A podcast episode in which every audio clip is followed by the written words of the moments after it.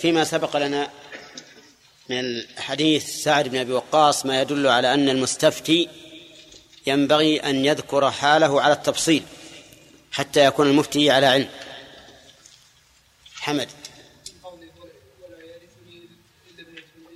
بس من هذا فقط؟ من قوله أنا ذو مال ولا يرثني إلا ابنة لي واحدة. نعم. وفيه أيضا أنه أن استعمال لا في النفي لا ينافي الأدب.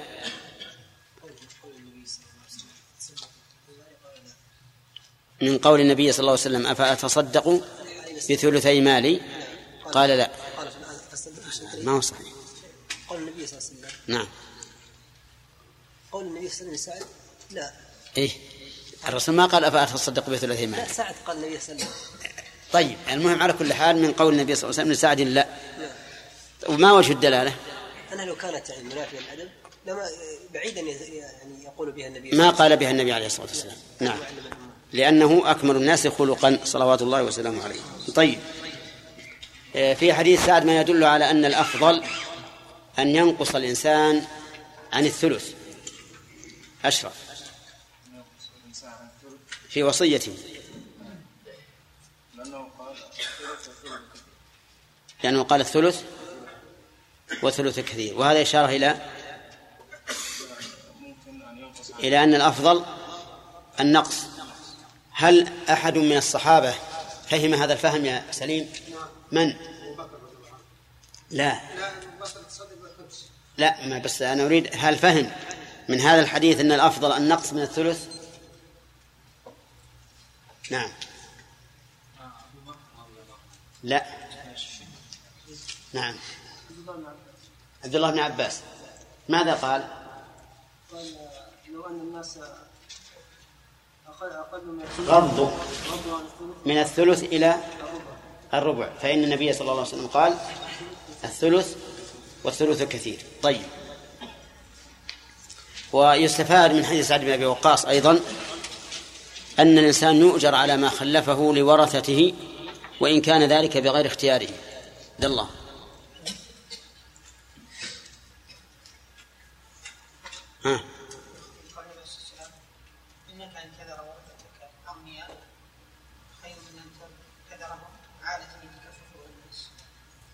من قول خير من أن تذرهم عالة. طيب. أحسنت. ويؤخذ من الحديث من غير السياق الذي ذكر المؤلف معجزة بل آية من آيات النبي صلى الله عليه وسلم. ما هي؟ ما حضرت؟ نعم هو ان الرسول صلى الله عليه وسلم قال فلعلك ان تخلف فينتفع ينتفع بك اقوام ويضر بك اخر ما الذي حصل؟ حصل ما تنبأ به الرسول صلى الله عليه وسلم ما تنبأ به يعني ما ما أخبر ما اخبره به الرسول صلى الله عليه وسلم أي ما توقعه لأن لعل للتوقع نعم ما هو؟ ان المسلمون ان المسلمين انتفعوا بشيء من فصل الحروب وانضر به الاعداء أحسنت. طيب ثم نأتي إلى درس الليلة إن شاء الله. قال وعن عائشة رضي الله عنها أن رجلا أتى النبي صلى الله عليه وسلم فقال يا رسول الله إن أمي تلتت نفسها ولم توصي قال أن رجلا أتى النبي يعمد كثير من المحدثين إلى معرفة المبهمات من هذه الأسماء. من هذا الرجل؟ وهذا لا شك أنه علم ولكنه ليس كبير علم إذا كان لا يتعلق بمعرفة الشخص فائدة شرعية أو يختلف به الحكم مثل أن يكون ابن عم في القضية أو خال أو ما أشبه ذلك من الأقارب فإن التعيين ليس بذات أهمية كبيرة. لأن المقصود هو معرفة الحكم من القصة بقطع النظر عن الرجل إلا إذا كان تعيينه يختلف به الحكم فحينئذ لا بد من البحث عنه حتى يعرف اسمه يعرف اسمه بعينه. فقال يا رسول الله إن أمي افتلتت نفسها افتلتت يعني أخذت فلتة ومعنى فلتة يعني بغتة أي أنها لم تكن مريضة. ولكنها ماتت فجأة ولم توصي يعني لم تعهد إلى أحد في التصدق بعدها وكأن هذا معروف بينهم أن الميت يوصي لأن لأنه سبق أن الراجح من أقوال أهل العلم وجوب الوصية وجوب الوصية في آه، للأقارب غير الوارثين. وأظنها لو تكلمت تصدقت. أظنها لو تكلمت تصدقت وذلك بناء على ما على ما عرفه من حال أمه أنها تحب الصدقة وأنها لو تكلمت لتصدقت لكن أخذها الموت فجأة قبل أن تتكلم. أفلها أجر إن تصدقت عنها؟ قال نعم. متفق عليه. أفلها أجر. إن تصدقت عنها. آه، هذه الجملة أو هذه الصيغة يأتي مثلها كثيرا في القرآن. وهي أن يأتي حرف الاستفهام وبعده حرف عطف. ألف أو الواو أو ثم. وقد ذكرنا أن لعلماء النحو فيها قولين. القول الأول أن تكون الفاء مقدمة على الهمزة ولكن الهمزة قدمت لأن لها الصدارة. والثاني أن تكون الهمزة في مكانها والفاء في مكانها والمعطوف عليه محذوف يقدر بحسب ما يقتضيه السياق. وذكرنا أن الوجه الأول غالبا أسهل لأن الوجه الأول يجعل هذه الجملة معطوفة على على ما قبلها. وقول أفلها أجر يعني أجر عند أي ثواب عند الله عز وجل. إن تصدقت عنها إن تصدقت هذه شرطية. أليس كذلك هداية الله؟ الشرط يحتاج إلى جواب. فأين الجواب؟ قال ابن القيم إن مثل هذا التركيب لا يحتاج فيه الشرط إلى جواب استغناء بما سبق عنه. وقال بعضهم إن هذا التركيب له جواب ويقدر بجنس ما قبله. فمثلا نقول أفلها أجر إن تصدقت عنها؟ فلها أجر. ولا شك أن أن ما ذكره ابن القيم رحمه الله أقرب إلى الصواب. لأن كل أحد يعرف أن مثل قول القائل أفلها أجر تصدقت عنها؟ لا يحتاج إلى جواب لأن الجواب مفهوم والشيء المفهوم المعلوم الذي يقتضيه الص... ال... الذي يقتضيه السياق قطعا لا حاجة إلى تقديره. نعم. قال النبي صلى الله عليه وسلم نعم. نعم حرف جواب تفيد الإثبات أي إثبات ما سبق أي إثبات ما بعد الاستفهام. إن كان نفيا فنفي وإن كان إثباتا فإثبات. فإذا قلت أقام زيد فقال المخاطب نعم. فهذا إثبات إيش؟ إثبات القيام. وإذا قلت ألم يقم زيد فقال المخاطب نعم فهذا نفي القيام يعني أنه لم يقم. نعم والعامة يظنون أنك إذا قلت ألم يقم زيد فقال المخاطب نعم يعني أنه قام وليس كذلك وليس كذلك. بل إذا قال نعم فهو إثبات فهو تقرير لما بعد النفي. إن كان ما بعد النفي نفيا فهذا نفي. إن كان ما بعده إثباتا فهذا إثبات. ويذكر عن ابن عباس رضي الله عنهما في قوله تعالى ألست بربكم؟ قالوا بلى. قال لو قال نعم لكفروا. لو قال نعم لكفروا. كيف؟ لأنهم إذا قالوا نعم أثبتوا النفي. أي لست بربنا. وهذا كفر. فلما قالوا بلى صار هذا نفيا للنفي. أي إثباتا لا نفيا عرفتم؟ ولهذا لو قلنا لعامي ألم تطلق امرأتك؟ قال نعم نعم. إيش يعني؟ لكن, لكن هو هو ماذا يقصد؟ يقصد انه طلقها. ولهذا جاء بها بغلظة وكررها مما يدل على أنه أراد أنه أثبت الطلاق. نعم. لكن لو قالها طالب علم قيل له ألم تطلق امرأتك؟ قال نعم. تطلق أو لا؟ لا تطلق. نعم. لا تطلق. لأن لأن طالب العلم لما قال نعم يعني لم يطلق. يعني لم يطلق. لكن العامي إذا قال نعم يعني أنه طلق أنه طلق.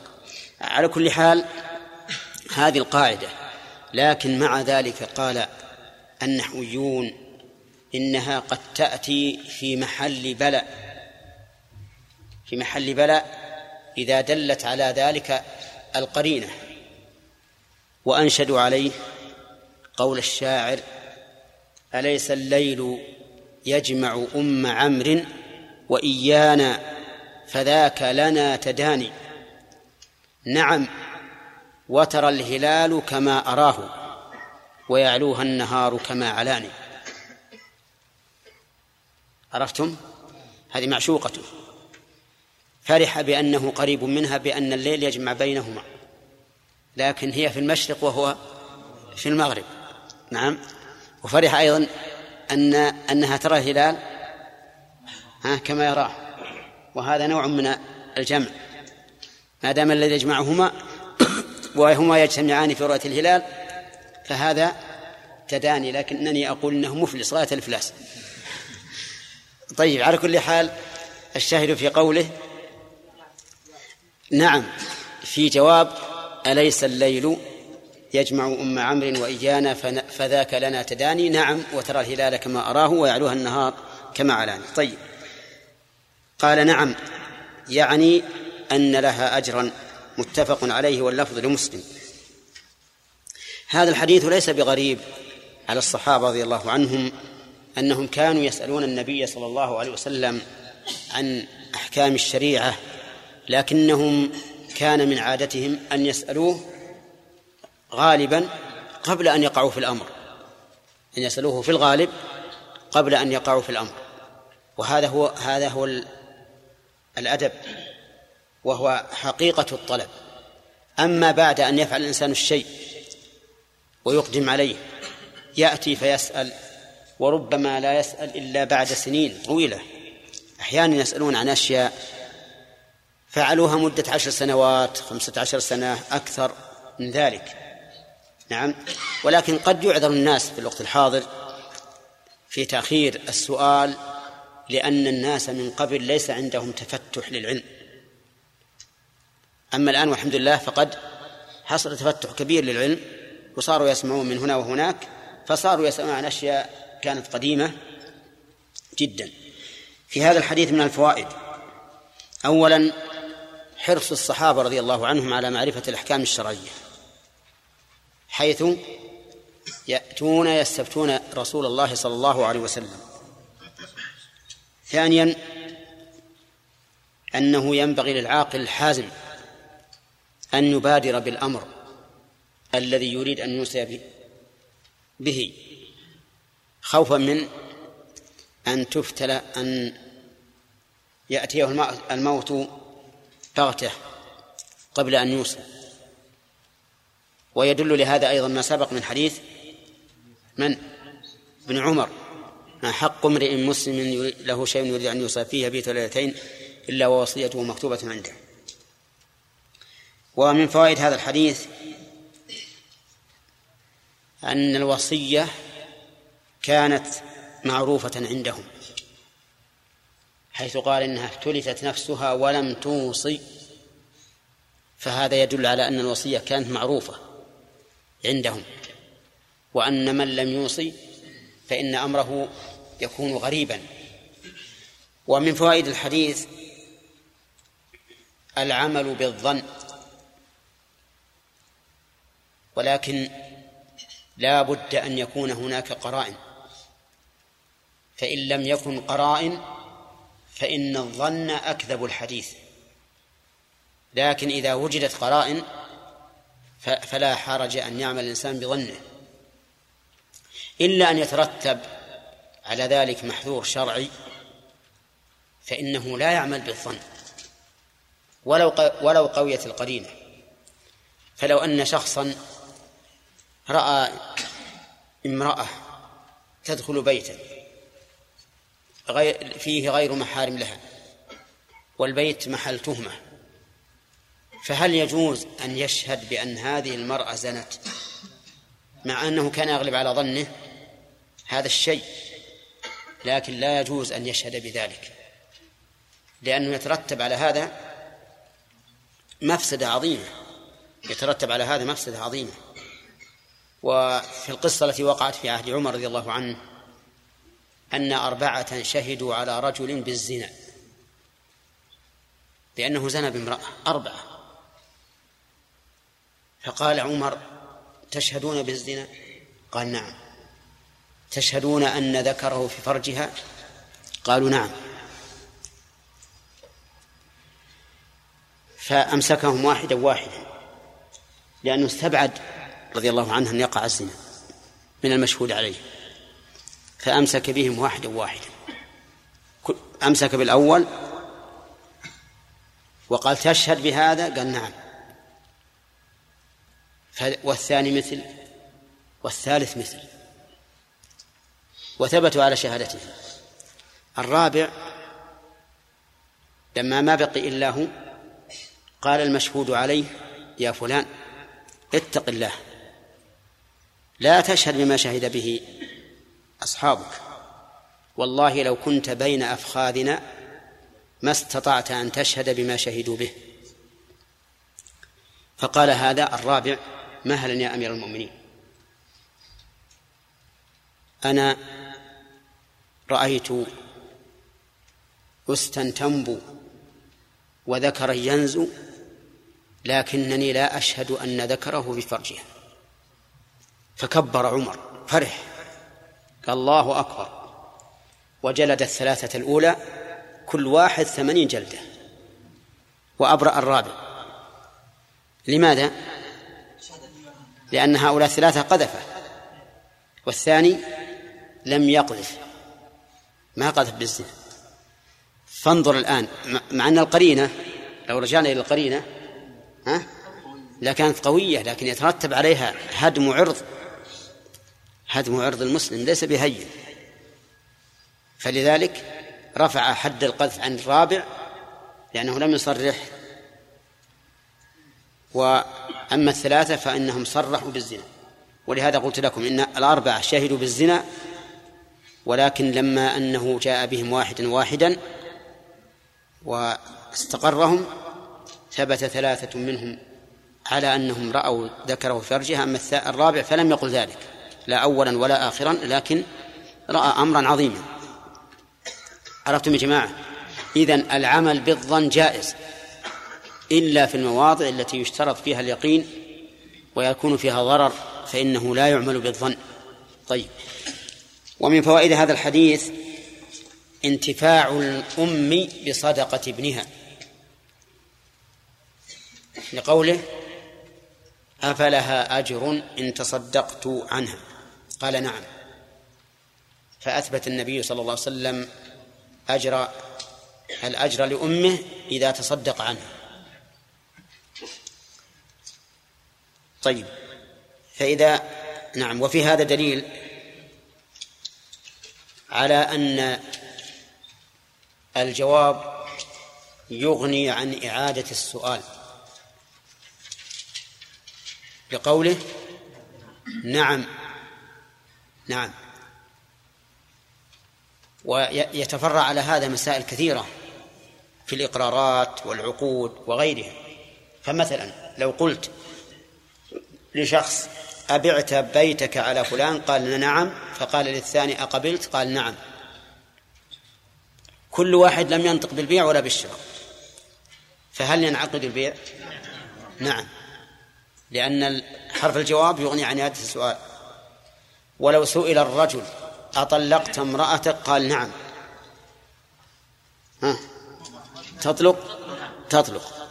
ولو قال الولي زوجتك بنتي فقيل للزوج أقبلت؟ قال نعم انعقد النكاح. ولو سئل شخص أقتلت فلانا؟ قال نعم ثبت الإقرار. وهكذا المهم أن هذه قاعدة مفيدة أن الجواب يغني عن إعادة السؤال.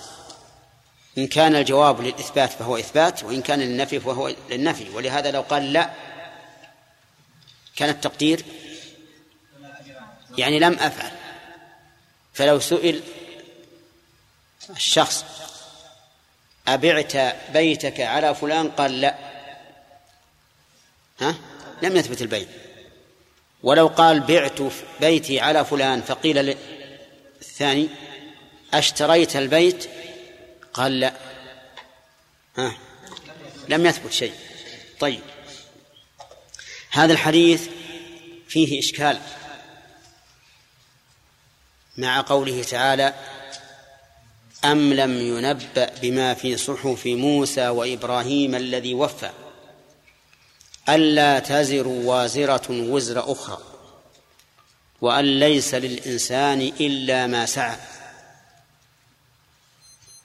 فإن قوله وأن ليس للإنسان إلا ما سعى يدل على أن سعي غيره لا ينفعه فليس له إلا ما سعى فقط وأن سعي غيره لا ينفعه.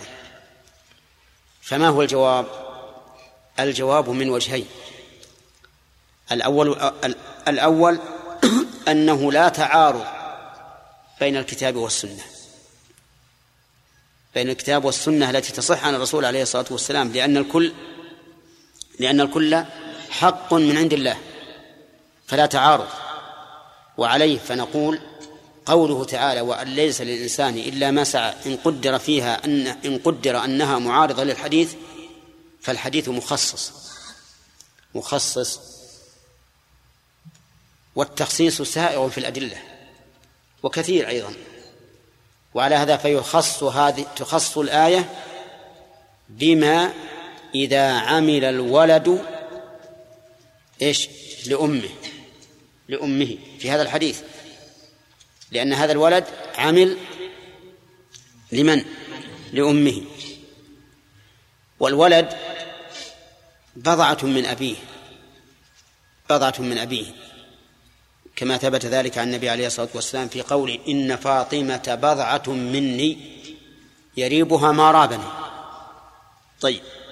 وإذا كان بضعة منه بضعة منه صار عمله كأنه عمل أبيه. ولهذا جاء في الحديث إن أطيب ما أكلتم من كسبكم وإن أولادكم من من كسبكم. وعلى هذا فتخص الآية في هذا الحديث بما إذا عمل الإنسان لأمه بما, بما إذا عمل الإنسان لأمه. وكذلك إذا عمل لأبيه من باب من باب أولى. إذا عمل لأبيه من باب أولى فإنه يدل فإن الأب فإن جزئية الابن للأب أقوى من جزئيته ها لأمه. ولهذا قال الله تعالى خلق من ماء دافق يخرج من بين الصلب والترائب ومن المعلوم أن الماء الدافق هو ماء الأب. طيب على هذا نقول يستثنى من عموم الآية. ما إذا عمل الولد عملا صالحا لأبيه أو أمه. عرفتم؟ ولكن هل نطلق ونقول ما إذا عمل عملا صالحا؟ أو نقول ما إذا عمل عملا صالحا هو المال فقط. نعم. قال بعض العلماء كذلك. ضيق الخناق. وقال لا يخصص العموم إلا بالصورة الواقعة فقط. وهي ما إذا تصدق الإنسان عن أبيه وأمه. وأما لو قرأ القرآن أو صلى ركعتين أو صام يوما أو يومين تطوعا فإن ذلك لا ينفعه. لا ينفعه لأن الله قال وأن ليس للإنسان إلا ما سعى. ولأن النبي عليه الصلاة والسلام قال إنما الأعمال بالنيات والميت لم ينوي هذا العمل. فكيف يكون له؟ بلا نية. بل ربما يكون الميت يكره الأعمال التطوعية. ربما يكون الميت ليس على دين قويم. يعني يا الله نقول إنه مسلم. ويكره الأعمال فكيف نلزمه بشيء يكرهه في حياته؟ على كل حال أقول إن بعض العلماء قيد هذا يعني ضيق هذا وقال هذا خاص في الصدقة فقط. عرفتم؟ طيب. ولكن القول الثاني في هذه المسألة أن الأمر واسع وأن الإنسان يجوز أن ينوي العمل الصالح لأبيه وأمه وأخيه وأخته وعمه وعمته وخاله وخالته وأي واحد من المسلمين. أي واحد من المسلمين. ويجيب عن الآية الكريمة وأن ليس للإنسان إلا ما سعى أي أنه لا يحمل عليه سعي غيره. بمعنى أنه لا يعطى من سعي غيره ولكن إذا أعطاه غيره من سعيه فلا بأس. فلا بأس. لأن غيره إذا أعطاه من سعيه فقد أعطاه باختياره. أعطاه باختياره. بخلاف ما إذا قلنا أنت يا فلان ترتفع درجتك بعمل بعمل أخيك. أنت يا فلان ترتفع درجتك بعمل زوجتك. أنت يا فلان يرتفع عملك بعمل ولدك وهكذا. فإن هذا لا يمكن. فالإنسان ما ليس له إلا سعيه ولا يمكن أن يؤخذ من سعي غيره ليوضع على سعيه. لكن إذا أراد غيره أن أن يهب له أو أن يعمل له فلا بأس. واستدلوا لذلك بأدلة. منها هذا الحديث.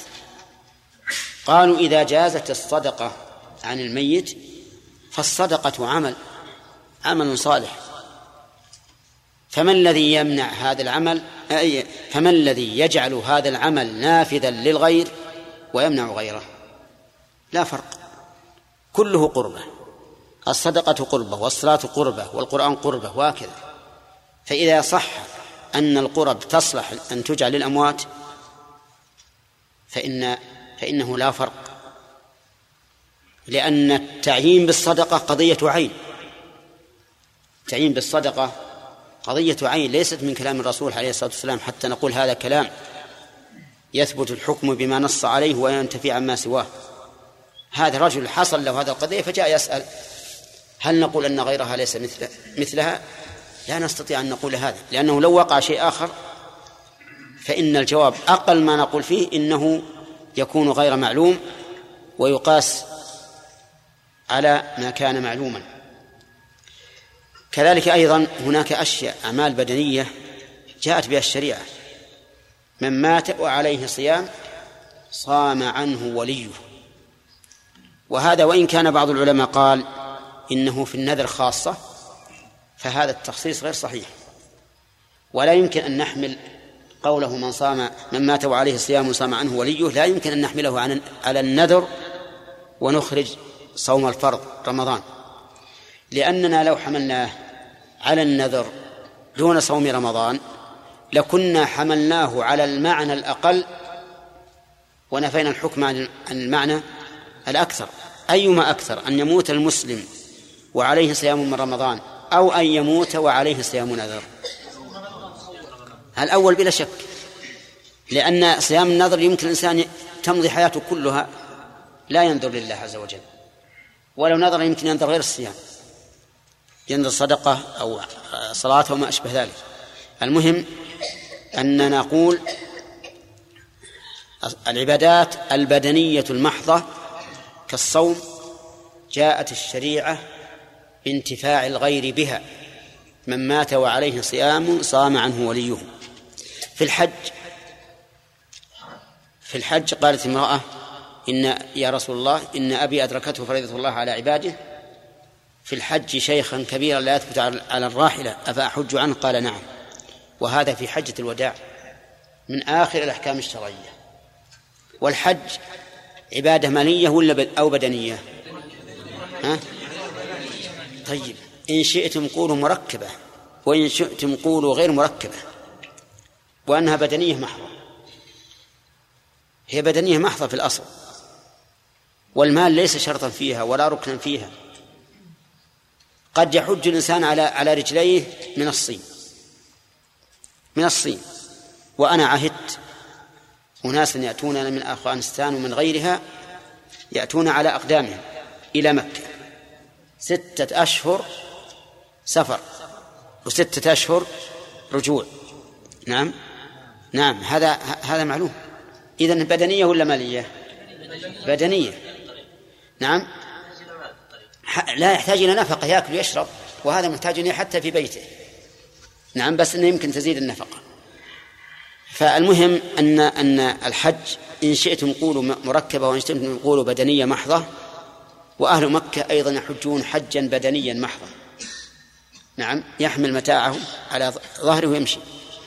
على كل حال الحج عبادة بدنية وجاءت السنة بالنيابة فيها وانتفاع الغير بها.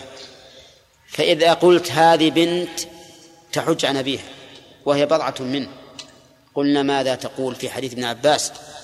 أن النبي صلى الله عليه وسلم سمع رجلا يقول لبيك عن شبرمة. قال من شبرمة؟ قال أخ لي أو قريب لي.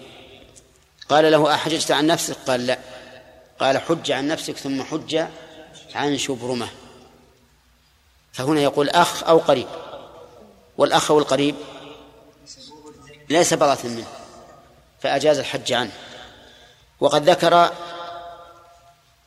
صاحب الفتوحات الإلهية على تفسير الجلالين وهو ما يعرف بحاشة الجمل ذكر على الآية التي أشرت إليها أولا وأن ليس الإنسان إلا ما سعى.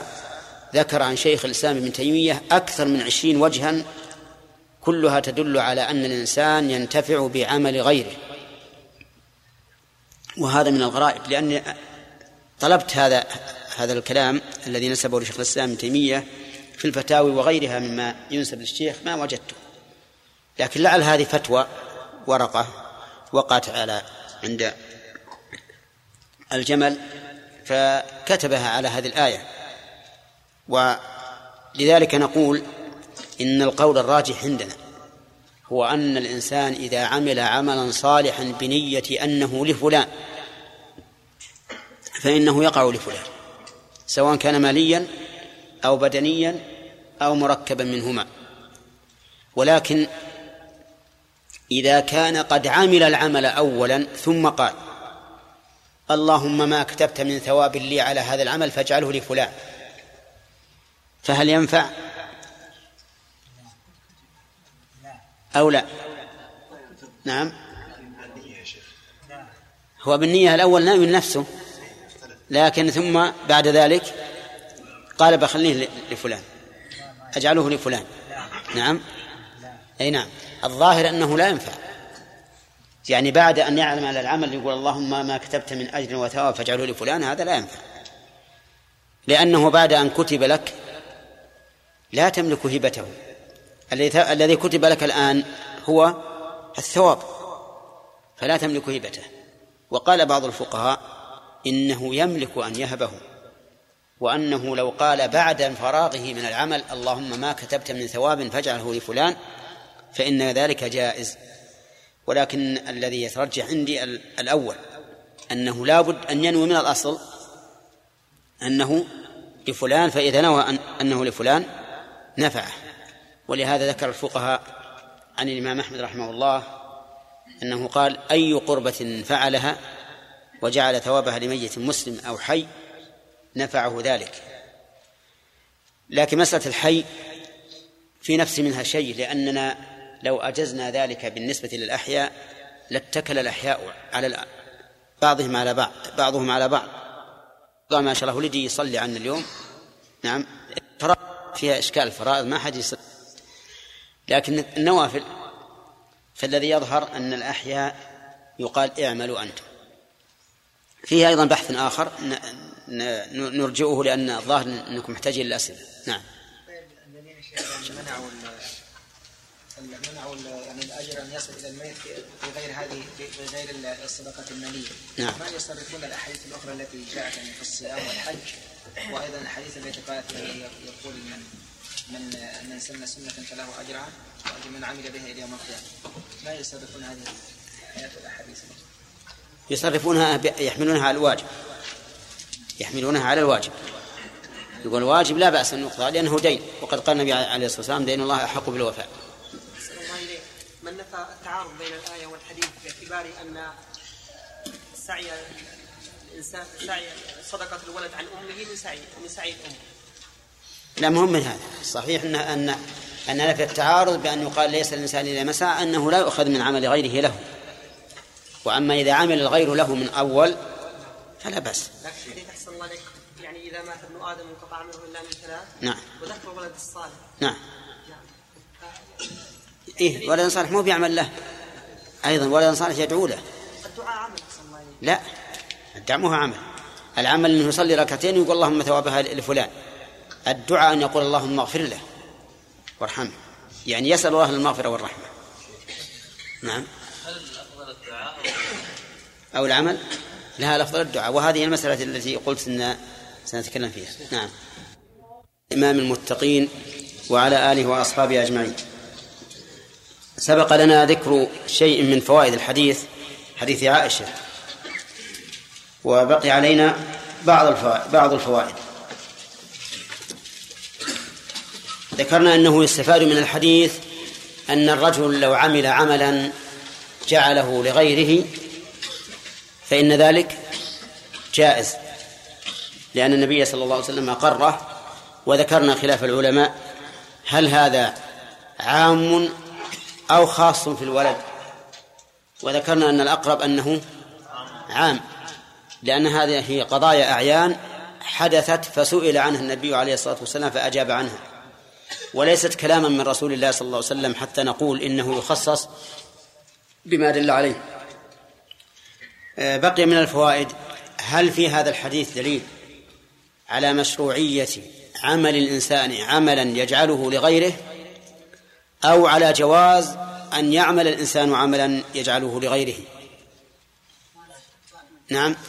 الثاني يعني أننا لا نندب الإنسان إلى أن يعمل عملا يجعله لغيره.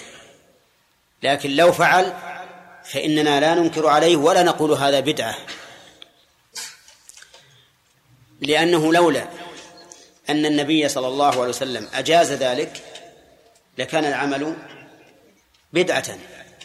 فلما أجازه علم أنه جائز وأنه لا ينكر على من فعله. ولكن هل يندب لكل إنسان أن يفعله؟ بمعنى هل نقول للناس يسن لكم أن تعملوا أعمالا من الصدقات أو الصيام أو الحج أو غيرها للأموات؟ الجواب السنة لا تدل على هذا. السنة لا تدل على هذا. ولا ولم يأمر النبي عليه الصلاة والسلام أمته أن يفعلوا ذلك. لكن أجاز لأمته أن يفعلوا هذا. وفرق بين الإقرار على الجواز وبين الإقرار على المشروعية أو الند والطلب من الناس أن يفعلوا ذلك. فإذا قال قائل هذا شيء غريب أن تجعلوا عبادة أقرها الشارع أمرا مباحا. فالجواب أنه لا غرابة لأننا لم نجعل العبادة أمرا مباحا. لكننا جعلنا إهداء العبادة أمرا مباحا وفرق بين هذا وهذا. ويدل لذلك أن الرسول صلى الله عليه وسلم أقر عائشة رضي الله عنها حين أحرمت بالعمرة ثم أتاها الحيض ولم تتمكن من إتمامها وأمرها أن تدخل الحج على العمرة وتكون قارنة وقال لها طوافك بالبيت وبالصفا والمروة يسعك لعمرتك وحجك أو لحجك وعمرتك. أقرها على أي شيء؟ على أن تأتي بعمرة بعد انتهاء الحج. لأنها طلبت منه أن تأتي بعمرة وألحت عليه وقالت يا رسول الله يذهب الناس بعمرة وحج وأذهب بحج. فأمر أخاها أن يخرج بها إلى التنعيم. وتحرم. ولكن هل أرشد أخاها وقد ذهب معها إلى إلى أن يحرم؟ أبدا. ولو كان هذا مشروعا ما فوت النبي صلى الله عليه وسلم أخا أخاها أن يفعله. ثم نقول هل هو مشروع لمن حصل له مثل حال عائشة؟ لأن من لم يحصل له مثل حال عائشة لا شك أنه ليس بمشروع في حقه أن يأتي بعمرة بعد الحج. ولكن هل هو مشروع لمن لامرأة حصل لها مثل ما حصل لعائشة؟ أو لرجل أحرم بعمرة بناء على سعة الوقت ثم ضاق الوقت ولم يتمكن من أداء العمرة فأدخل الحج عليها وذهب إلى مشاعر الحج. هل نندب له إذا أن إذا انتهى من الحج أن يأتي بعمرة؟ لا.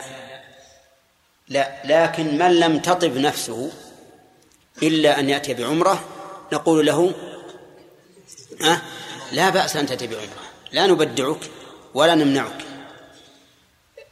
ثانيا خرج رجل في سرية وكان إماما لأصحابه فجعل يصلي بهم. ويقرأ ويختم قراءة الصلاة بقول هو الله أحد. فلما قدموا على النبي صلى الله عليه وسلم سأل أخبروه فقال سألوه لأي شيء كان يفعل ذلك؟ فسألوه فقال لأنها صفة الرحمن فأحب أن أقرأها. فقال النبي صلى الله عليه وسلم أخبروه أن الله يحبه ولم ينكر عليه. بل أقره. فهل نقول يشرع لكل مصل أن يختم صلاته بقول الله أحد؟ ها؟ لا. لأن ذلك ليس من هدي الرسول عليه الصلاة والسلام ولا أمر به. لكن لو فعله فاعل لم ننكر عليه. فهذه ثلاثة أمثلة. هذا الحديث الذي معنا أن الرسول أقر الرجل, أن يتصدق عن أمه ولكن لم يأمر أمته بذلك. حديث عائشة حديث صاحب السرية حديث سعد بن عبادة أيضا كان له مخراف يعني نخل يخرف بستان يخرف. فسأل النبي عليه الصلاة والسلام أن يتصدق به عن عن أمه؟ وكانت قد ماتت فأذن له. وبهذا نعرف أننا أنه لا يشرع للإنسان أن يتصدق بالصدقة عن الميت أو أن يوقف له وقفا لكن لو فعل فإن ذلك ليس بممنوع. ليس بممنوع. فالمراتب ثلاث مشروع وجائز وممنوع. لو لم ترد السنة بإقراره لكان ممنوعا وبدعة. ولو وردت السنة بالأمر به وندب الناس إليه لكان مشروعا وسنة. ولما أقرته السنة أقرت فعل من فعله ولكن لم تأمر الناس به كان جائزا. أي جائزا يفعل لكن هو قربة لمن جعل له. وفي هذا الحديث إشكال من الناحية العربية. أظنها لو تكلمت تصدقت. معروف أن أظن تنصب مفعولين. فأين مفعولها الآن؟ أين مفعولها؟ اللي يعرف من بخليل يدرس الطلبة بالنحو. خالد؟ المفعول الأول الثاني جملة لو تكلمت تصدقت. أي. محل نصب. المفعول الثاني ماذا تقولون؟ صحيح؟ طيب فيه إشكال آخر. لو تكلمت تصدقت والمعروف أن جواب لو يقرن إذا كان مثبتا يقرن بالله لو تكلمت لا تصدقت.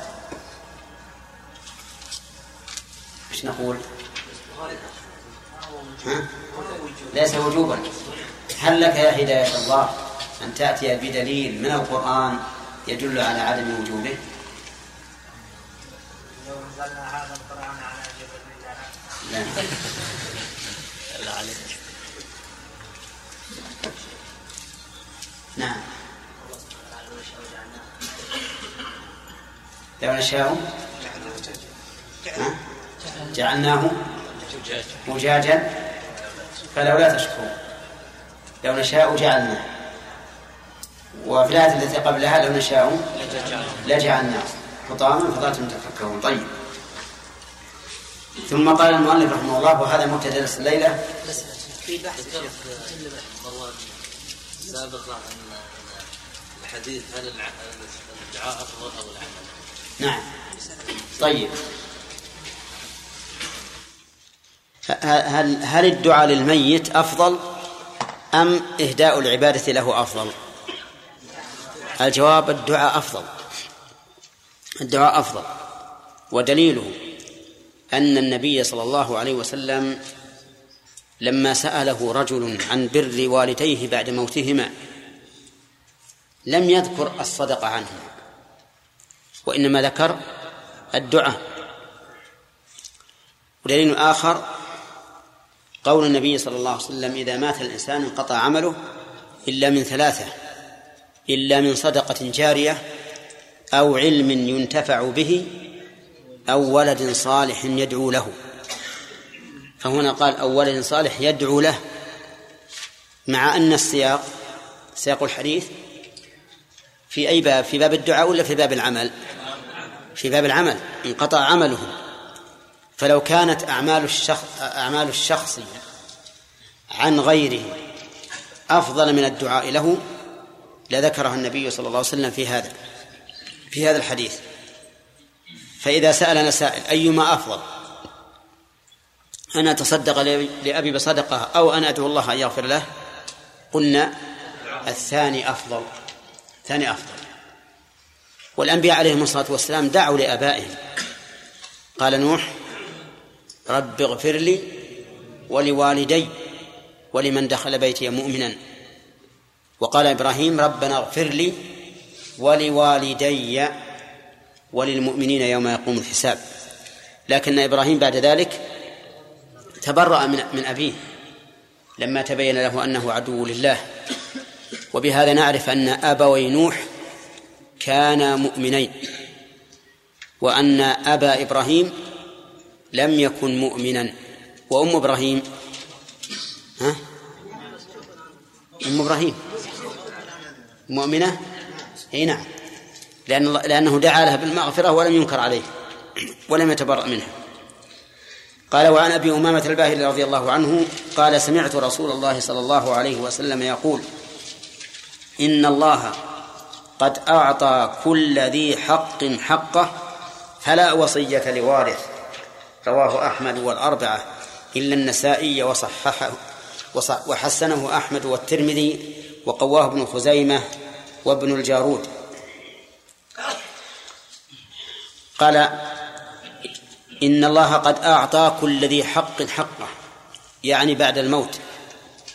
أعطى كل ذي حق أي كل صاحب حق حقه الذي اقتضته حكمته. أعطى كل ذي حق حقه الذي اقتضته حكمته. لقوله تعالى آباؤكم وأبناؤكم لا تدرون أيهم أقرب لكم نفعا فريضة من الله. إن الله كان عليما حكيما. فأعطى الأب نصيبه مع الفرع الوارث وعدمه وأعطى الأم نصيبها مع الفرع الوارث وعدمه مع الإخوة وعدمهم. أعطى الأزواج نصيبهم مع الفرع الوارث وعدمه. أعطى الإخوة لأم نصيبهم مع الانفراد والتعدد. أعطى الإخوة الأشقاء نصيبهم ذكورا وإناثا. كل أحد أعطاه الله حقه فلا وصية لوارث لا نافية. نافية لإيش؟ للجنس. ولهذا بني ما ما بعدها على الفتح. لا وصية لا قليلة ولا كثيرة لوارث أي لمن يرث بالفعل أو بالتقدير. بالفعل. يعني لا لمن يصلح أن يكون وارثا. لا لمن يصلح أن يكون وارثا. ولكن لمن هو وارث بالفعل فإنه لا لا وصية له. طيب. في في آخر في الحديث اللفظ الثاني إلا أن يشاء الورثة. إلا أن يشاء الورثة فلا بأس. طيب. لا وصية لوارث. لا بقليل ولا بكثير. أخذنا ذلك من أن وصية نكرة في سياق إيش؟ النفي فتعم. بل إن هذا النفي أعني لا نفي لا النافي الجنس من أقوى دلالات النفي على الانتفاء. ولهذا يقولون إن نفيها نص في العموم. إن نفيها نص في العموم. أي لا وصية لوارث لا قليلة ولا كثيرة. طيب لوارث بالفرض أو بالتعصيب أو بهما؟ ها؟ بهما. يعني سواء كان الوارث وارثا بالفرض كالزوج مثلا أو بالتعصيب كالعم أو بهما كالأب مع الفرع الوا... مع الإناث من الفروع من الفروع. فإنه لا وصية لوارث أبدا. طيب. قال في في الثاني في اللفظ الثاني إلا أن يشاء الورثة. حديث ابن عباس. الحديث الثاني حديث ابن عباس. إلا أن يشاء الورثة. هذا مستثنى من قول لا وصية لوارث. وقوله إلا أن يشاء الورثة. المراد بالورثة من تعتبر مشيئتهم. من تعتبر مشيئتهم. وهم الذين يصح تبرعهم. فأما السفيه والصغير والمجنون فلا فلا عبرة بمشيئته واضح يا جماعة؟ فلو أن رجلا له ثلاثة أولاد أوصى لأحدهم بمئة درهم وكان الولدان الآخران أحدهما بالغ عاقل رشيد. والثاني صغير. فأجاز الكبير والصغير. فهل الإجازة هنا نافذة؟ نافذة. ها. إن قلتم لا خطأ. إن قلتم نعم خطأ. نافذة في حق الكبير دون الصغير. لأن الصغير لا يصح تبرعه. ومشيئته وجودها كعدمها بخلاف الكبير بخلاف الكبير. طيب يستفاد من هذا الحديث فوائد. أولا أن المعطي هو الله عز وجل فهو الذي يعطي من شاء ويمنع من شاء. ولهذا جاء في الحديث لا مانع لما أعطيت ولا معطي لما منعت. طيب. وليعلم أن إعطاء الله تعالى نوعان. إعطاء شرعي وإعطاء كوني. إعطاء شرعي وإعطاء كوني. فالمواريث من إعطائه الشرعي والاستحقاق من الزكاة وقسم الزكاة بين أهلها من إعطائه الشرعي قسم الغنائم من إعطائه الشرعي كون الله عز وجل يرزق هذا الإنسان مالا كثيرا دون دون أخيه هذا إعطاء كوني. هذا إعطاء كوني. طيب. الإعطاء الكوني لا يمكن لأحد أن يتدخل فيه. لا يمكن لأحد أن يتدخل فيه. لأن لأن الإنسان لا يملك أن يرزق الناس أو أن يمنعهم رزق الله. الإعطاء الشرعي يمكن لأحد أن يتدخل فيه ولكنه ممنوع من تعدي الحدود الشرعية. ولهذا لما قسم الله المواريث قال ها تلك حدود الله ومن يطع الله ورسوله يدخله جنات تجري من تحتها الأنهار خالدين فيها وذلك الفوز العظيم ومن يعص الله ورسوله ويتعدى حدوده يدخله نارا خالدا فيها وله عذاب مهين. فالإعطاء الشرعي لا يمكن لأحد مجاوزته بل يجب أن ينفذ على ما أمر الله به ورسوله. طيب الإعطاء الكوني قلنا لا أحد يستطيع أن يمنع رزق الله عن أحد ولا أن يرزق أحدا منعه الله. ولكن ربما بالعدوان يعتدي أحد على أحد فيسلبه ماله. فيسلبه ماله أليس كذلك؟ فهنا حصل اعتداء. حصل اعتداء. ولكنه في الأصل لا يمكن أن يملك منع هذا الرزق عن هذا الرجل. إنما يملك التسلط عليه بعد وجوده. هذا ممكن. ولهذا نقول إن الإنسان إذا اعتدى على شخص بغير سبب شرعي فأخذ ماله فإنه إنما أخذه بعد أن منحه الله. بعد أن منحه الله. طيب من فوائد هذا الحديث أنه لا أنه لا تحل الوصية للوارث.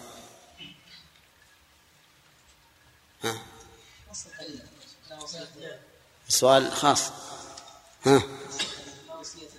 لا وصية لوارث لكن لو قال لك قائل هذا نفي نفي لا وصية لوارث. بمعنى النهي؟ طيب. ما الفائدة في أن النفي يأتي في موضع النهي؟ تضمن النهي وكذلك تضمن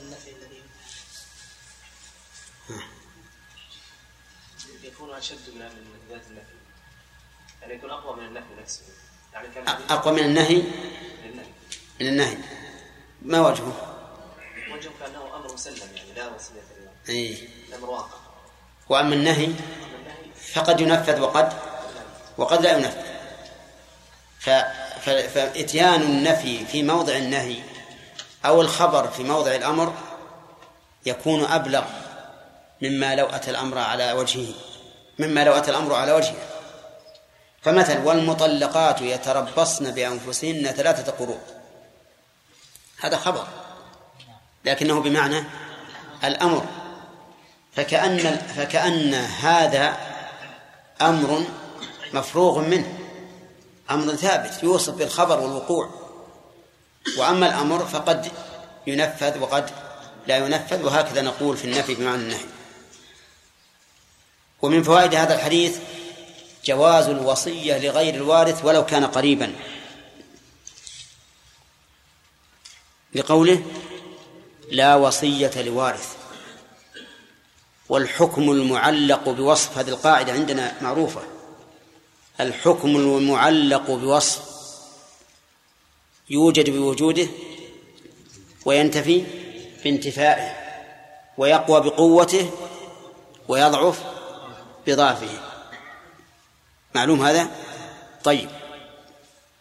ولهذا لقلت لك أكرم المجتهد من الطلبة. ها. غير المجتهد؟ لا يستحق الإكرام. المجتهد قوة بقوة يستحق من الإكرام أكثر. والمجتهد اجتهادا يمشي على رجل واحدة.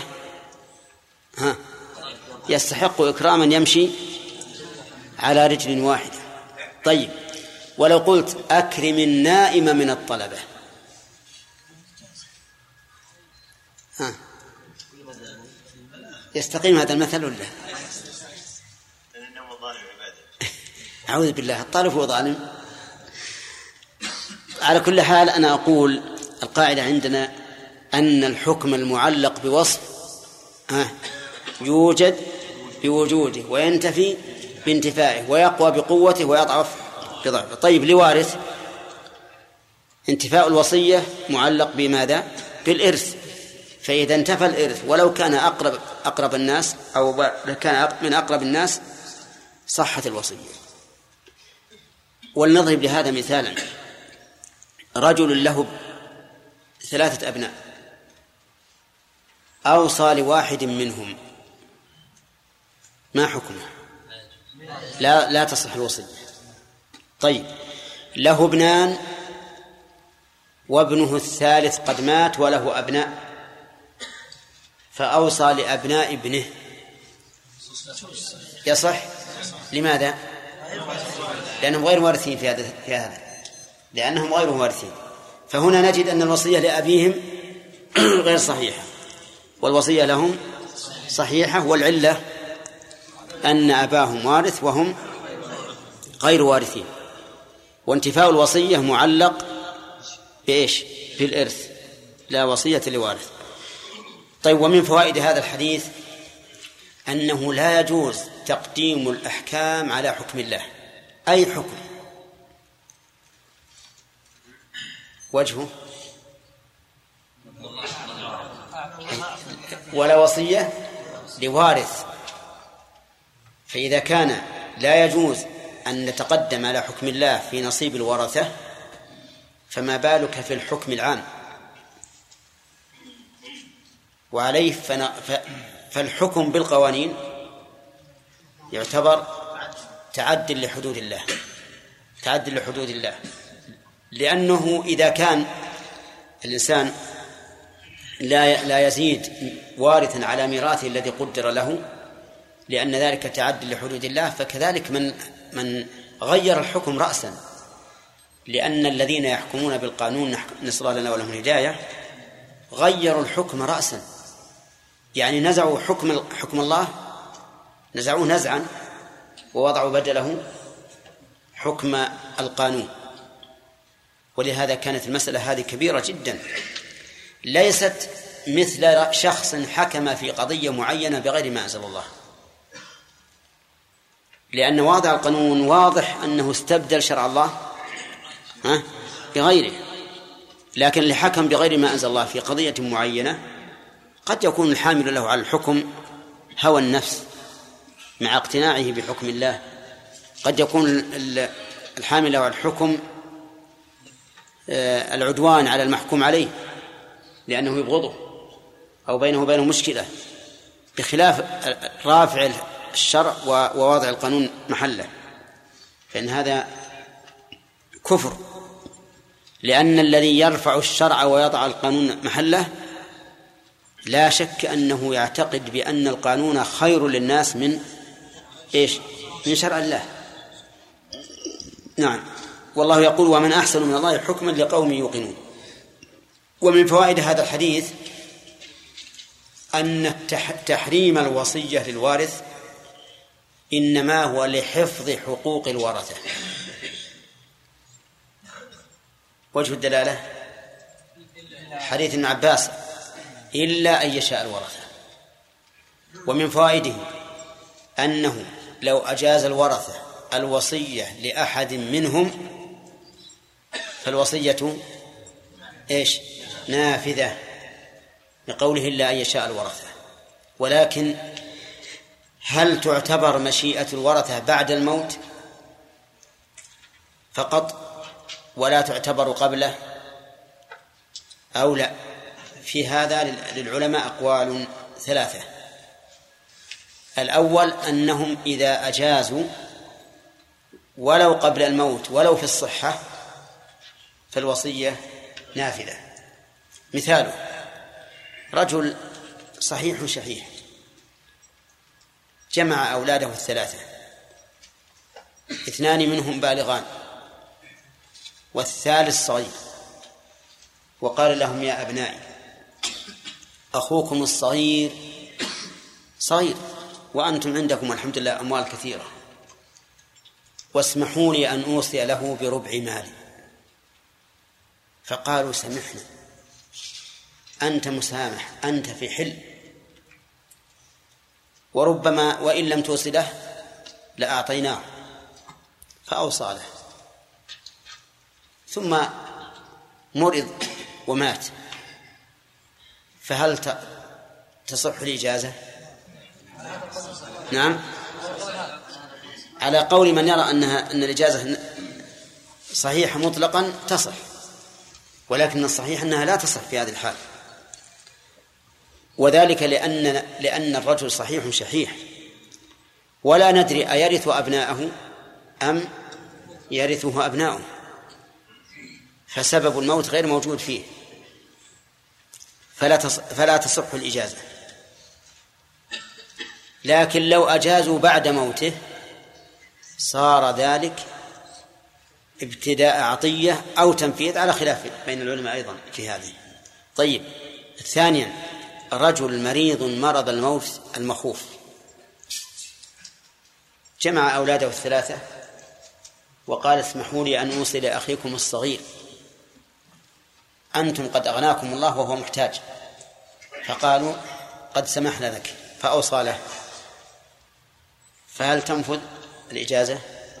ها؟ في في خلاف.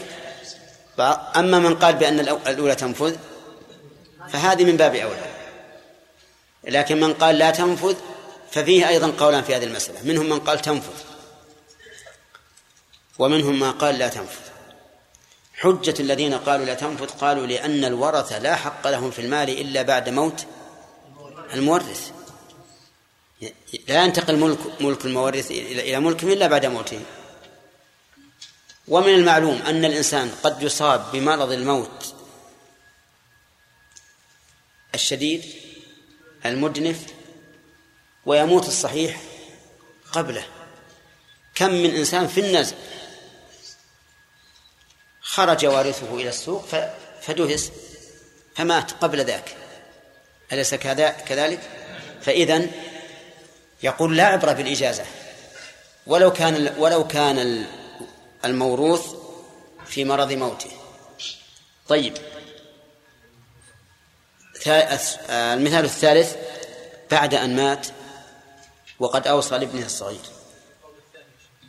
الثاني أن أقول المسألة المثال الثالث رجل له أبناء ثلاثة أوصى لابنه الصغير. وبعد أن مات اجتمع الأبناء وأجازوا الوصية لأخيهم. ما حكمه؟ هذا جائز. لأنهم أجازوا بعد أن انتقل المال إليهم. فإجازتهم نافذة كما لو أعطوه ابتداء. وهذا لا شك فيه. والقول الراجح من هذه الأقوال الثلاثة أن الإجازة جائزة نافذة فيما إذا كانت يا داود. وين أنت؟ فيما إذا كانت بعد الموت أو في مرض الموت المخوف. هذا هو الصحيح في هذه المسألة. لأنه إذا كان في مرض الموت المخوف فقد وجد سبب تعلق حق الوارث بمال الميت. وقوله إلا أن يشاء الورثة يستفاد منه أنه لا بد من إجازة جميع الورثة حتى تنفذ الوصية. فإن أجاز بعضهم دون بعض نفذت الإجازة في نصيبه فقط دون نصيب الثاني. مثال هذا رجل له ثلاثة أبناء أوصى لأحد أبنائه الثلاثة. أوصى له بالثلث أوصى له بالثلث. فلما مات أجاز أحد الأبناء الوصية وأما الثاني الثاني فلم يجز الوصية. فكيف نعمل؟ يعني كيف يستحق؟ ماذا يستحق من المال؟ نعم. نعم ينفذ تنفذ الإجازة في حق من أجاز دون من لم يجز. والمال بينهم أثلاث. المال بينهم أثلاث. والثلث الموصى به أجاز واحد ومنع الثاني. الثلث الموصى به آه، للموصى له ثلث من أصل ثلث من أصل. ولأخيه الذي أجاز ثلثه وللثالث الذي منع ثلثه. وعلى هذا فنقول الثالث الذي منع يؤخذ حقه من الثلث وهو التسع واحد من التسعة فيضاف إلى نصيبه ثلاثة يكون له أربعة. ويكون لمن أجاز ثلاثة.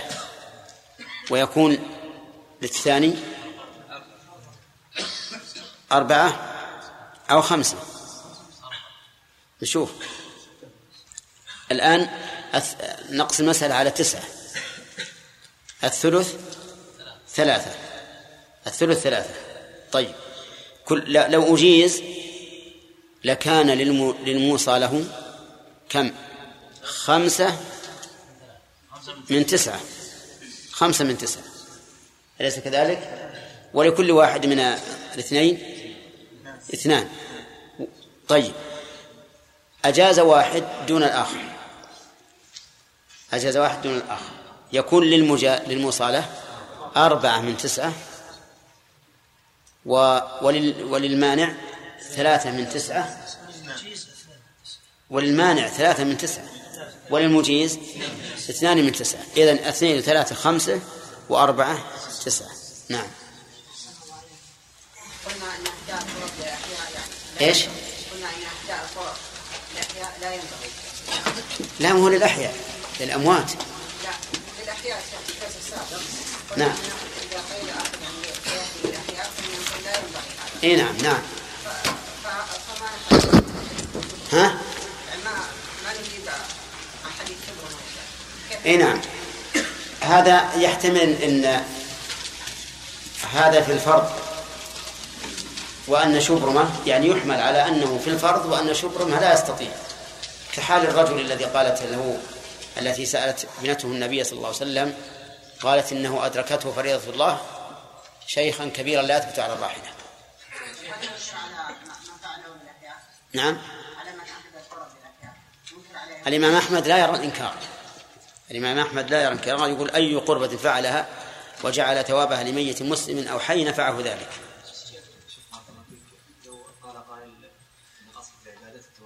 نعم. وينبغي أن نتبع النصوص في في العبادات نعم يعني جاب لنا الادله التي يعني تتبعوا ولا تتبعوا وعليكم بالامر العافيه فقلنا هذه العبادات التي هي احداء القرب من ميتين أو الاحياء قلنا الأمر ما هو ما هو وارد عن السلف عن السلف الصالح ولا كان في القرون الثلاث فما ينبغي أن الإنسان أن يتوسع فيه؟ وأما منعه فله بظاهر. منع إهداء القراب ليس بظاهر لنا. لكن جوازه وترجيح عدمه هو الراجح عندي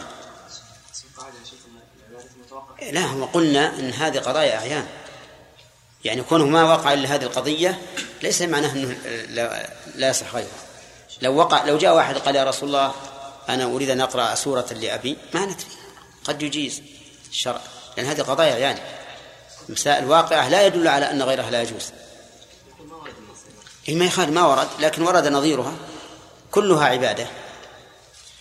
نعم. وقال الشيخ في تعريف السنة عن النبي صلى الله عليه وسلم انه قول فعل وقول اقرار نعم وقلنا في الامثله الثلاثه ان هذا قرار من النبي صلى الله عليه وسلم ومع ذلك لا يوجد السنة تدري ما هي السنة؟ السنة الطريقة ليست السنة معناها التي يثاب فاعلها فقط. قد تكون سنة ويجب فعلها.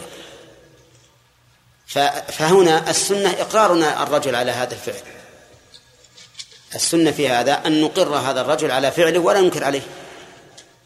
إي نعم. نعم. الان الحديث وقوله تعالى إن ترك خيرا الوصيه بالوالدين والأقربين. إيش؟ نجمع بين الحديث. تقول كيف نجمع بين هذا الحديث وبين قوله تعالى إن ترك خيرا إن ترك خيرا كتب عليكم.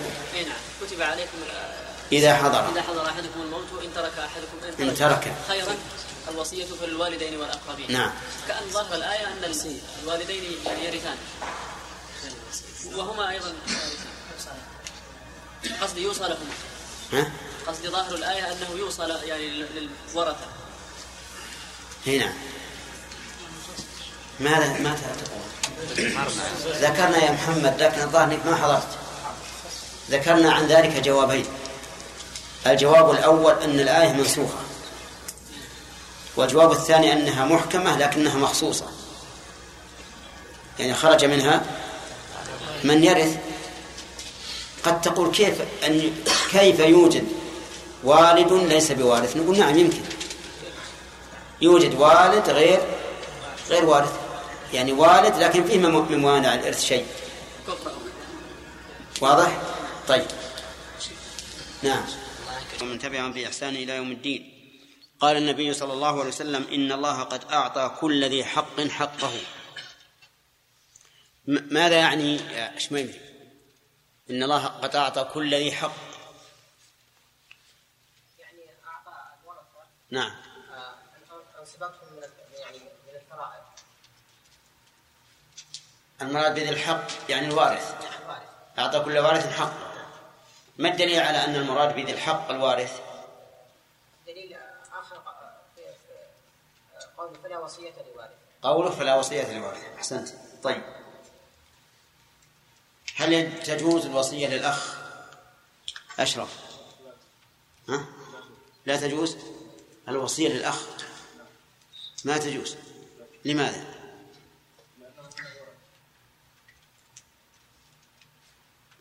نعم. إي نعم. متى تجوز ومتى لا تجوز؟ لا لا مو مثل. أعطني الضابط نعم. إذا كان وارثا؟ وإن لم يكن وارثا؟ تجوز. طيب. آه لو أوصى لأخيه وله ابن. ها؟ في هذه الحالة يجوز أن إذا أوصى لأخيه وله ابن. للوارث للموصي ابن. لماذا؟ لأن الابن يسقط الأخ لأن الأخ لا يرث ما هو كذا. لا وصية لوارث نقول لأن الأخ هنا لا يرث. طيب إذا أوصى لأخيه وله بنت.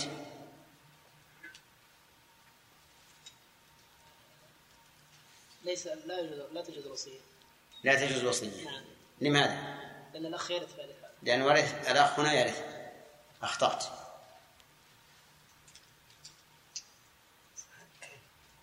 يرث لا بالفرض ولا بالتعصيب ها؟ أقول يرث بال- بالتعصيب المهم هل تصح الوصية للأخ هنا ولا لا؟ الوصية لا تصح لأنه وارث لا تصح مثل ما قال الأخ أخطأتما وين الثالث عشان يقول أخطأتم تفصيل. تفصيل. إيش التفصيل؟ إذا كان الأخ ليس يعني يكون مانع من منع الإرث إذا كان في الأخ آه يعني مثلا كافر ولا؟ نعم. إي نعم. إذا كان الأخوة لأم فلا يرث وإن كانوا أشقة أو السؤال إذا أوصى لأخيه وله بنت. ها شقيق يعني أو لأب أو لأم. فإن كان لأم فلا تصح لأنه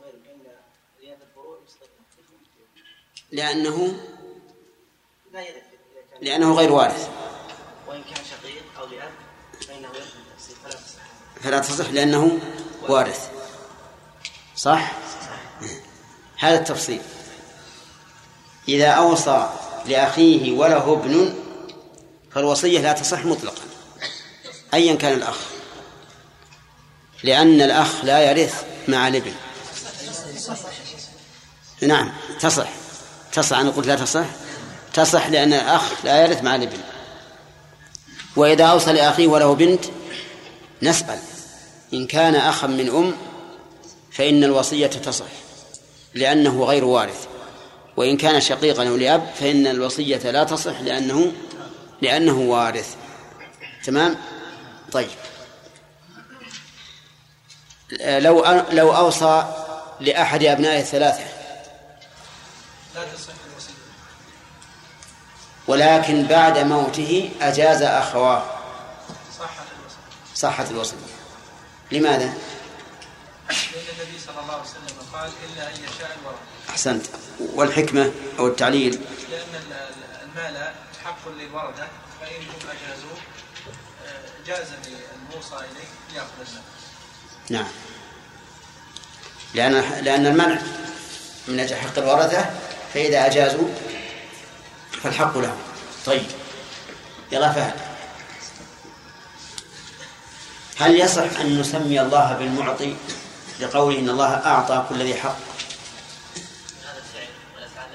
أجب أجب قبل أن تعلل يا أخي. لا يصح. لا يصح أن نسمي الله بالمعطي. لماذا؟ لأن هذا جزء من باب الأسماء يعني باب الصفات أوسع من الأسماء. إيه. نعم. يعني معناه أنه لا يسمى الله إلا بما سمى به نفسه. وأما أف- أفعال الله فلا يسمى بها. طيب. قوله لا وصية لوارث لا وصية لوارث. كيف تعرب لا هنا؟ ناهي ولا عبد الملك؟ لا نافع للجنس. نافية للجنس؟ وش معنى الجنس تنصب ال- الاسم. لا ما ما أسأل عن عملها أقول ما معنى للجنس. يعني جنس ال- الشيء الم- الموجود. هي- يعني هنا جنس الشيء الموجود وهي نافية كيف اسم موجود وهي نافية يعني تنفي. دحين النفي هنا بمعنى النهي. بمعنى النهي. إيه نعم. إذا ما صار ما صار نفي الجنس. ولا نافية لنفي الجنس. ونفع جنس الوصية جنس الوصية قليلا كان؟ أحسنت. تمام. النافي للجنس معناها أنها تنفي هذا الجنس بحيث لا يوجد فرد من أفراده ولا جماعة من جماعته طيب. ثم قال المؤلف في درس الليلة وعن. وعن معاذ بن جبل رضي الله عنه قال قال رسول الله صلى الله عليه وسلم إن الله تصدق عليكم بثلث أموالكم عند وفاتكم زيادة في حسناتكم. رواه الدار قطني. قول إن الله تصدق عليكم بثلث أموالكم. المراد رخص لكم أن توصوا بثلث أموالكم. وليس المراد مطلق الصدقة لأن كل أموالنا صدقة وتفضل من الله عز وجل علينا. القليل منها والكثير الذي عند الموت والذي في الحياة. لكن المراد تصدق أذن لكم تفضلا منه بثلث أموالكم عند وفاتكم. وقوله زيادة يحتمل أن تكون حالا من ثلث ويحتمل أن تكون مفعولا من أجله أي من أجل الزيادة في حسناتكم. ففي هذا الحديث دليل على أنه يجوز للإنسان أن يوصي بالثلث ولو عند الموت. لقوله عند وفاتكم حتى في مرض الموت يجوز أن يوصي بالثلث. ويجوز أيضا أن يوصي بالثلث منفذا بعد موته. لحديث سعد بن أبي وقاص وقد سبق. فالوصية فالوصية تكون بعد الموت. والعطية تكون في مرض الموت.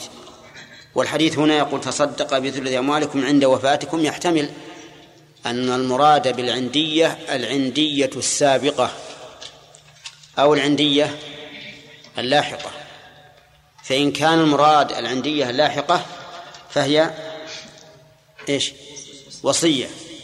وإن كان المراد بالعندية العندية السابقة فهي العطية.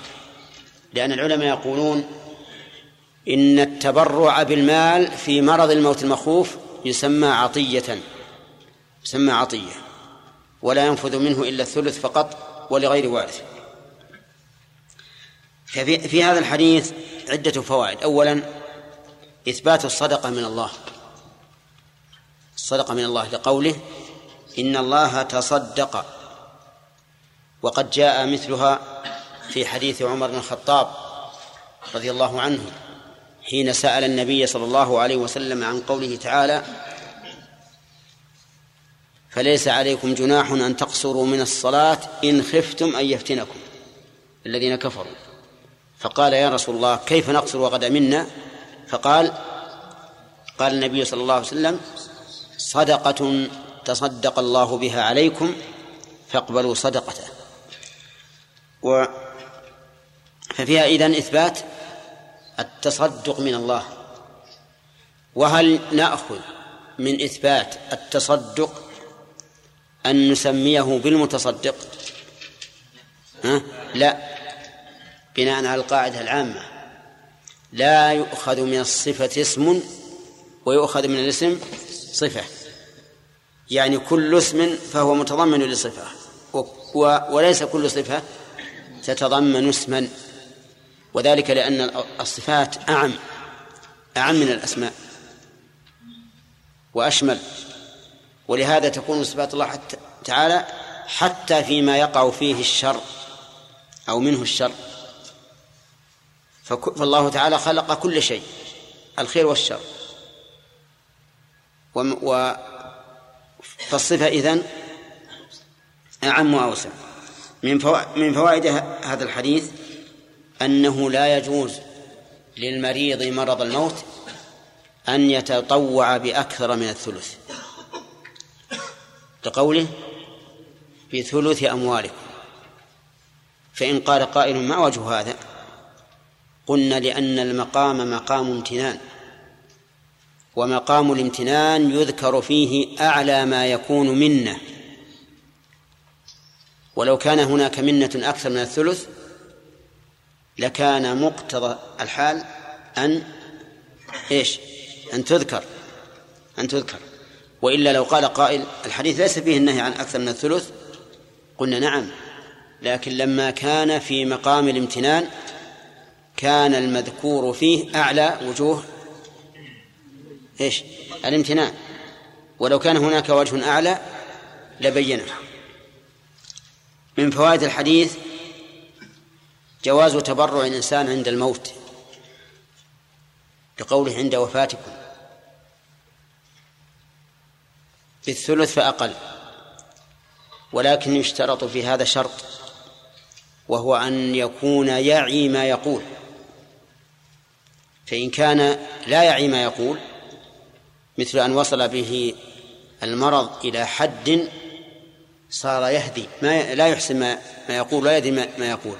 فهنا لا يصح تصرفه ولا تبرعه لأنه ليس له عقل. ومن فوائد الحديث أن الإنسان يؤجر على ما قدمه من العمل بعد الوفاة لقوله زيادة في حسناتكم خصوصا إذا فسرنا العندية بأنها العندية إيش؟ اللاحقة. ويشهد لهذا ما رواه مسلم في صحيحه من حديث أبي هريرة رضي الله عنه أن النبي صلى الله عليه وسلم قال إذا مات ابن آدم انقطع عمله إلا من ثلاثة إلا من صدقة جارية أو علم ينتفع به أو ولد صالح يدعو له. طيب ومن فوائد الحد الحديث بيان منة الله وفضله على عباده. وذلك بإيش؟ بالصدقة حيث أذن لهم أن يتصدقوا بالثلث يعني فأقل من أجل زيادة الحسنات. وأخرجه أحمد والبزار من حديث أبي الدرداء وابن ماجه من حديث أبي هريرة رضي الله عنه. وكلها ضعيفة لكن قد يقوي بعضها بعضا. قد يقوي بعضها بعضا. والأحاديث إذا وردت من وجوه ضعيفة ولكن تعددت طرقها فإنها ترتقي إيش؟ إلى درجة الحسن. لكن لكنه حسن لغيره لا حسن لذاته. والفرق أن الحسن لغيره هو الذي انجبر بغيره والحسن لذاته هو الذي انجبر بنفسه. ثم قال المؤلف باب الوديعة. وديعة فعيلة بمعنى مفعولة لأن كلمة فعيل تطلق على اسم الفاعل وعلى اسم المفعول. فيقال فلان سليم بمعنى سالم. بمعنى سالم. فلان جريح بمعنى مجروح. الوديعة هنا فعيلة بمعنى مفعولة. وسميت بذلك لأن صاحبها يودعها عند المتبرع بحفظها. وتعريفها شرعا هي دفع مال لمن يحفظه. دفع مال لمن يحفظه. ويشمل أي مال كان دراهم أو متاع أو منقول أو غير ذلك. دفع مال لمن يحفظه هذا هذه هي الوديعة. إن كان بأجرة فالمودع أجير وإن كان تبرعا فالمودع محسن محسن. وهنا نسأل هل يجوز الإيداع وهل يجوز الاستيداع نقول نعم يجوز الإيداع أي يجوز للإنسان أن يودع ماله عند أحد لأن الحاجة قد تدعو إليه. وهذا ليس فيه شيء من الذل حتى نقول إنه يكره كما يكره السؤال لأن ذلك مما جرت به العادة ولا يعد الناس في هذا ذلا. طيب بالنسبة للاستداء يعني أخذ الوديعة ليحفظها لغيره هل هو مباح أو لا؟ الجواب أنه مستحب مستحب لأنه إحسان. فكم من إنسان تضيق به الأرض وهو يحب أن يجد من يقبل ماله ليكون وديعة عنده؟ فيكون ذلك من من الإحسان والإحسان مطلوب لأن الله قال أحسنوا إن الله يحب المحسنين.